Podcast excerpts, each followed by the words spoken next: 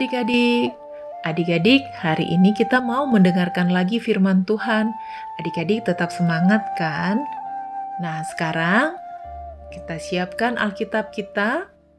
Kita buka bersama-sama dari perjanjian baru yaitu Matius 3 ayat 13 sampai 17.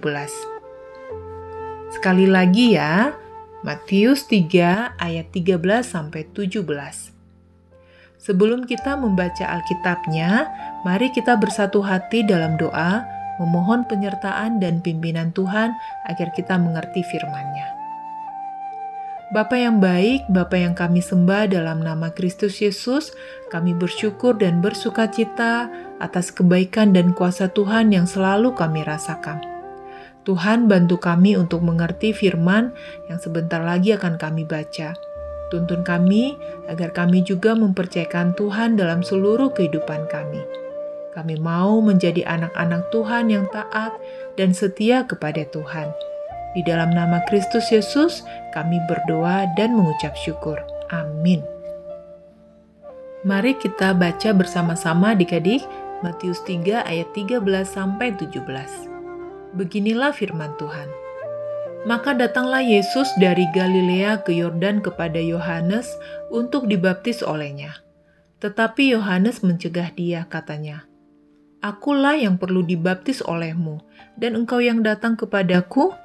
Lalu Yesus menjawab, katanya kepadanya, Biarlah hal itu terjadi karena demikianlah sepatutnya kita menggenapkan seluruh kehendak Allah. Dan Yohanes pun menurutinya.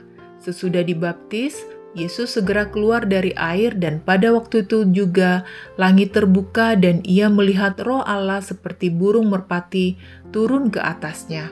Lalu terdengarlah suara dari sorga yang mengatakan, Inilah anakku yang kukasihi, kepadanya lah aku berkenan. Demikianlah pembacaan firman Tuhan. Adik-adik, judul renungan kita, Kuasa yang Diakui.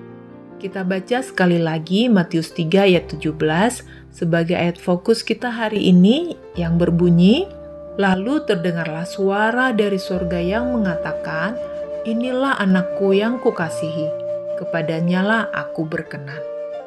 Tuhan Yesus mendengar pertimbangan atau keraguan Yohanes ketika Yesus datang padanya untuk dibaptis. Yohanes merasa bahwa justru Yesus sendirilah yang lebih pantas membaptiskannya.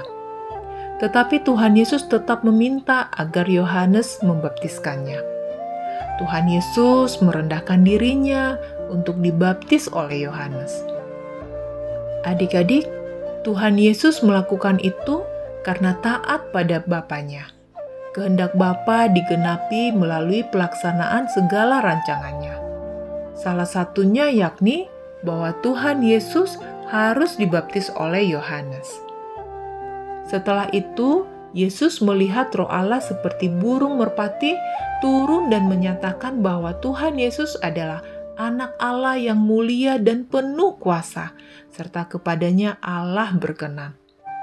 Tuhan Yesus yang merendahkan dirinya justru ditinggikan oleh Allah. Setelah Tuhan Yesus dibaptis, terdengarlah suara dari surga yang menegaskan kepada semua yang menyaksikan peristiwa itu bahwa Yesus adalah Sang Mesias, Anak Allah. Adik-adik, kita percaya Yesus adalah Mesias, Anak Allah yang telah merendahkan dirinya dan datang kepada Yohanes untuk dibaptis. Yuk, adik-adik, kita belajar dari teladan Yesus dengan sungguh-sungguh kita katakan, seperti Yesus, aku tidak akan memegahkan diriku. Sekali lagi adik-adik, seperti Yesus, aku tidak akan memegahkan diriku. Mari kita berdoa.